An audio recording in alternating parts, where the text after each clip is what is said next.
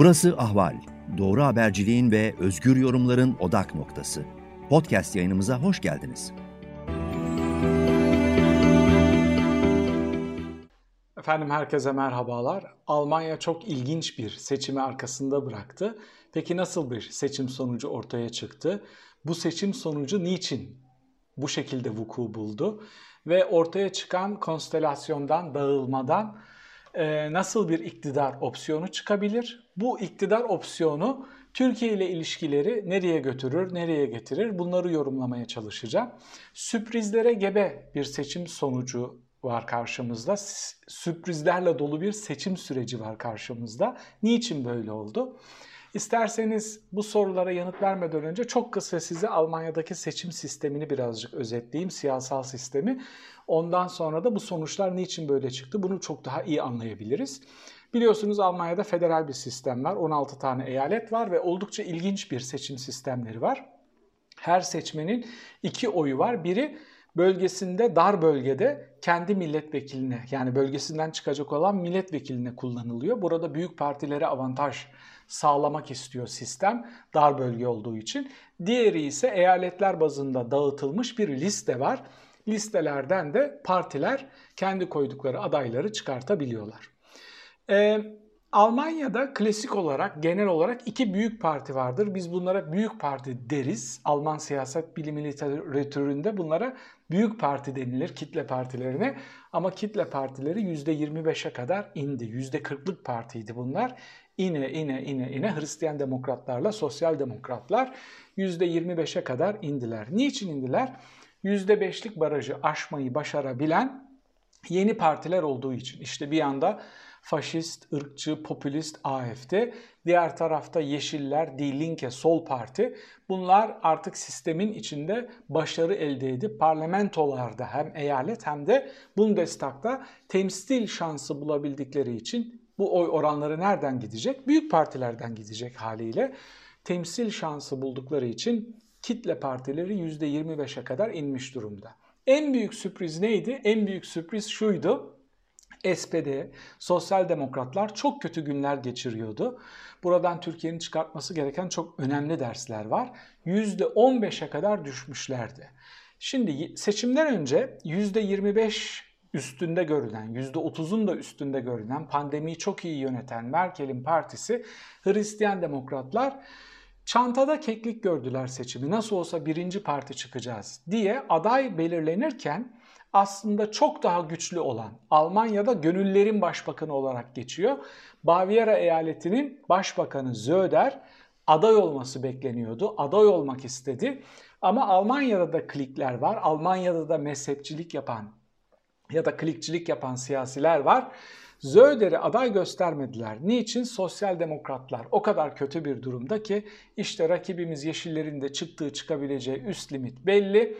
Biz kendi adayımızla Hristiyan Birlik Partileri biliyorsunuz iki partiden oluşuyor Almanya'da. Baviera eyaletinde Hristiyan Birlik Hristiyan e, Birlik Partilerinin şeyi yok, temsilcisi yok. Orada CSU olarak seçime giriyorlar. O eyalete has bir organizasyonları var.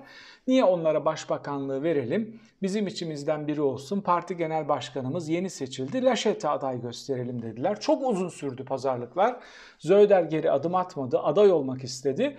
Ama parti baskın çıktı ve Laşet'e aday gösterdiler.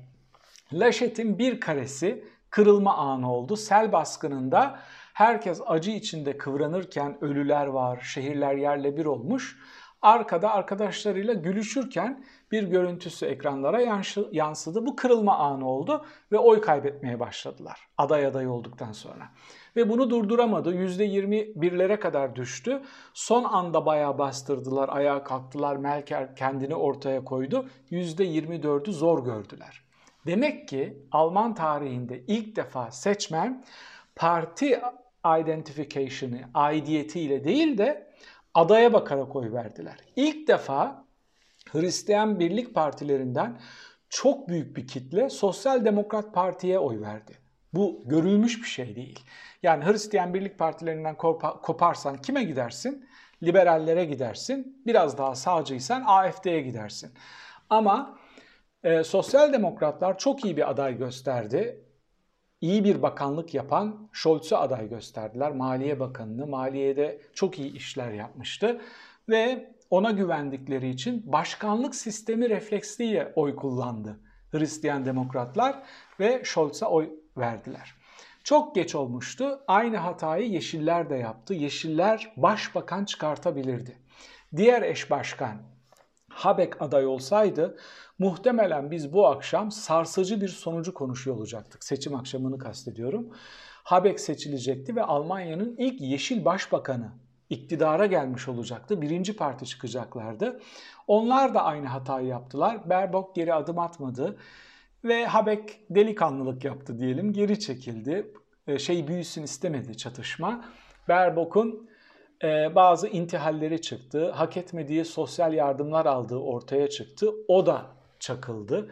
%30'lara yaklaşması beklenirken bu potansiyel vardı Yeşillerde bu seçimde. %15'i bile göremediler. %14.8 ile final yaptılar. Tüm bu kaybedenlerin bir kazananı olacaktı tabii ki. O da Sosyal Demokrat Parti oldu. Sosyal Demokrat Parti gösterdiği aday ve onun ortaya koyduğu program sayesinde Almanlar buna Marktlücke der. Yani pazar boşluğu. Öyle bir pazar boşluğu oluştu ki lider seviyesinde, parti seviyesinde demiyorum. Lider seviyesinde öyle bir pazar boşluğu oluştu ki Scholz %15 ile aldığı öldü denilen SPD'yi, Sosyal Demokrat Parti'yi %25'e çıkarttı, %26'ya hatta yaklaştı. Birinci parti çıktı ve şansölye olmayı sonuna kadar hak etti. Tabi bu kadar güçlü bir sosyal demokrat aday çıkınca Die Linke de bu sürecin kaybedeni oldu. Sol Parti. Sol Parti biliyorsunuz sosyalist çizgide bir parti. Aslında ağırlıklı olarak Doğu Almanya kökenli bir parti bu. Ama buna barajı aştırtmayı başartan eski bir sosyal demokrat lider La Fontaine, Schröder'e çok kızdığı için onun parti başkanıydı. Parti başkanlığını ondan alınca Agenda 2004 reformlarını yapıp Almanya'daki sosyal devleti e, budayınca o da gitti Die Linke'nin başına geçti. PDS de o zaman adı. Adını değiştirdi. Die yaptı. Sol Parti yaptı. Ve onu artık barajı aşabilen, mecliste temsil edebilen bir parti yapmıştı. Bu saydıklarım 20 yıl önce vuku bulan şeyler ama bu kadar önemli bir yere gelmiş Die Linke, %10'lara kadar tırmanmış, 8-9'ları görmüş Die Linke. Niçin 4.9'da durdu ve barajı geçemedi? Bunun sebebi stratejik oy kullandı. Die Linke seçmeni Scholz'a güvendiler ve Die Linke içinde de hem liderleri zayıftı hem aday sürecinde hatalar yaptılar. Hem parti içindeki tartışmalar çok kötü bir noktaya savrulmuştu. Scholz bunu da kullandı ve en az 2-3 puan da Die Linke'lerden almayı başardı. Şimdi süreçten bizim muhalefetin çıkartması gereken ders şu. Bu aday belirleme süreci çok önemli. Tamam ilkeler iyidir, kriterler iyidir, parti programı çok iyidir ama kitlelere güvenilir bir aday göstermezseniz kazandım dediğiniz, çantada keklik dediğiniz seçim birkaç hafta içinde ellerinizden uçup gidebiliyor. Almanya'da ilk defa e, bir kere çok uzun yıllar sonra Sosyal Demokrat Parti Hristiyan Demokratların önüne geçmeyi başardı. Yaklaşık 20 küsür sene önce.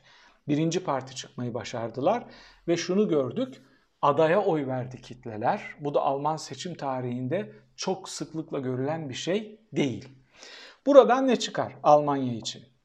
Şimdi buradan bir büyük koalisyon çıkma ihtimali matematiksel olarak görünse de Hristiyan demokratlar sosyal demokratlara başbakanlığı, şansölyeleri verdikleri bir konstelasyonda iktidarda olmak istemiyorlar. Yönetmek istiyorlar ama farklı bir e, koalisyonla yönetmek istiyorlar. Onların hayali liberalleri yanlarına almak. Tarihsel partneridir onlar, liberaller. Onların yanına da yeşilleri almak istiyorlar. Bu taktikten sonra Liberal Parti'nin lideri dedi ki yeşillere gel biz konuşalım. Biz kimin başbakan şansölye olacağına karar verelim. Bunlar birbirine eşit çıktı. İlk toplantıyı biz yapalım. Tabi Yeşiller buna niçin evet desin? Sonuç olarak Alman seçmeni büyük bir heyecanla Scholz'a oy vermiş. Birinci parti çıkmış. 15'ten aldığı parti 25'e çıkartmış. Ve sosyal demokrat politikalar da Yeşillere çok daha yakın. Nasıl liberaller Hristiyan demokratları kendine yakın görüyorsa Yeşiller de sosyal demokratları kendine yakın görüyor. Bu niçin önemli? Bir koalisyon kuracaksak pazarlık yapacağız ve seçmene söz verdiğimiz birçok şeyden vazgeçeceğiz. Eğer sosyal demokratlarla koalisyon kurarsak daha az şeyden vazgeçeceğiz. Anlamına geldiği için bu komik teklifi tabii ki kibarca reddettiler. Buradan çıkabilecek tek iktidar opsiyonu sosyal demokratların şansölyeliği aldığı, yeşillerin ve liberallerin de koalisyonun içinde olduğu bir koalisyon modeli. Buradaki zorluk ne? Buradaki zorluk şu.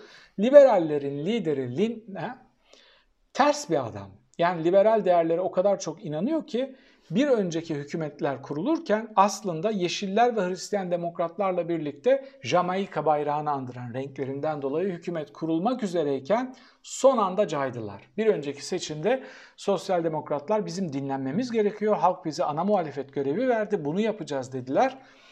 Ama son anda liberaller o koalisyondan çekildiği için pazarlık sürecinde istediklerini Hristiyan demokratlara da sosyal demokratlara da kabul ettiremeyeceklerini gördükleri için geri çekildiler. Şimdi Hristiyan demokratların içinde olan bir koalisyonu içinde var olmaya cesaret edemeyen Lindner ve liberaller sosyal demokratlar ve yeşillerin olduğu iki sol partinin olduğu bir koalisyonda nasıl bir performans gösterecekler? Bu büyük bir soru işareti. Bu koalisyon nasıl kurulacak? Ben söyleyeyim Noel'e kadar bu koalisyon kurulamaz. Pazarlıklar çok uzun sürer. Eğer bu koalisyon opsiyonu çıkacaksa çok çok uzun sürer. Liberaller çok zorlayacak hem yeşilleri hem sosyal demokratları ama Alman sanayisi de yatırımcılar da muhtemelen şöyle diyecekler. İki sol partiye azınlık hükümeti olarak bu ülkeyi bırakamayız. İçeride bizim çıkarlarımızı temsil edecek güçlü bir aktör olmalı. Sen burada olmalısın diye işveren sendikalarının ben lobi yapıp FDP'yi yani liberalleri bu koalisyonun içine sokacaklarını düşünüyorum. Son olarak şunu özetleyeyim. Peki buradan Türkiye ile ilişkilerden nasıl bir sonuç çıkar? Türkiye ilişkiler şu anda hepinizin bildiği gibi göç ve göçmen sorununa dayanmış durumda. Erdoğan çok büyük bir hata yaptı. Ee, elindeki göçmenleri sınıra sürdü. Yunanistan kapıları kapattı ve orayı aşamadılar. Şu anda Türkiye'ye Yunanistan bir duvar örüyor. Artı Almanya muslukları açtı. Yunanistan'a bol miktarda para veriyor. Hem de teknik bazı sistemler kuruyorlar. Lazerle işte kontrol edilen sınırları herhangi biri geçtiği zaman vücut ısısına dayalı görülüyor. Yakalıyorlar, geri atıyorlar insan haklarına aykırı olarak ama buna göz yumuluyor. Oradan geçişleri de çok ciddi bir şekilde mani olmuş durumdalar. Erdoğan da bu kartını kullanıp boşa harcadığı için aslında Türkiye'den bu göç konusundan dolayı o kadar da çok korkmuyorlar. Artık o kadar çok korkmuyorlar defansı sağlama almaya başladıkları için. Tabi Yeşiller ve Sosyal Demokratlar Hristiyan Demokratlar gibi çıkar üstünden siyaset yapmayacaklardır. Özellikle insan hakları, özellikle Türkiye'deki otokratikleşme eğilimleri gibi hadiselere çok ciddi bir şekilde daha ciddi bir şekilde tepki vereceklerdir. Yaklaşık 5 yıl önce sosyal demokratlar bir workshoplarına davet etmişlerdi beni ve orada gelecek perspektifini konuşmuştuk.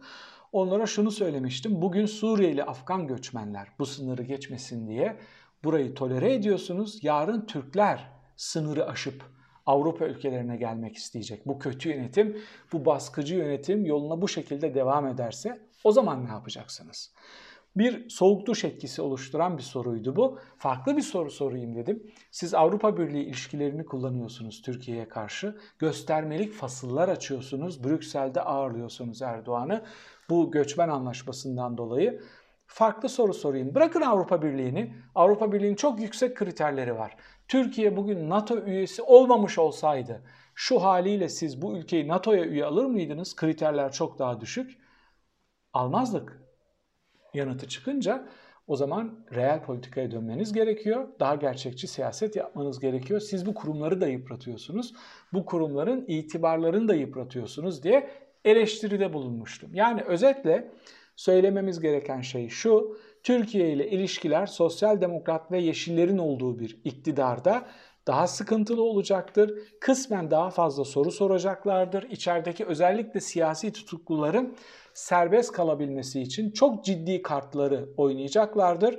Bu açıdan sarayı daha zor günlerin beklediğini söyleyebiliriz. Efendim bu yayında sizlere Alman siyasal sistemini, seçim sistemini, çıkan sonuçları, partilerin nerede hata yaptığını ve olası koalisyon opsiyonları ile birlikte Türkiye ile ilişkilerin hangi istikamette vuku bulabileceğini anlatmaya, izah etmeye çalıştım.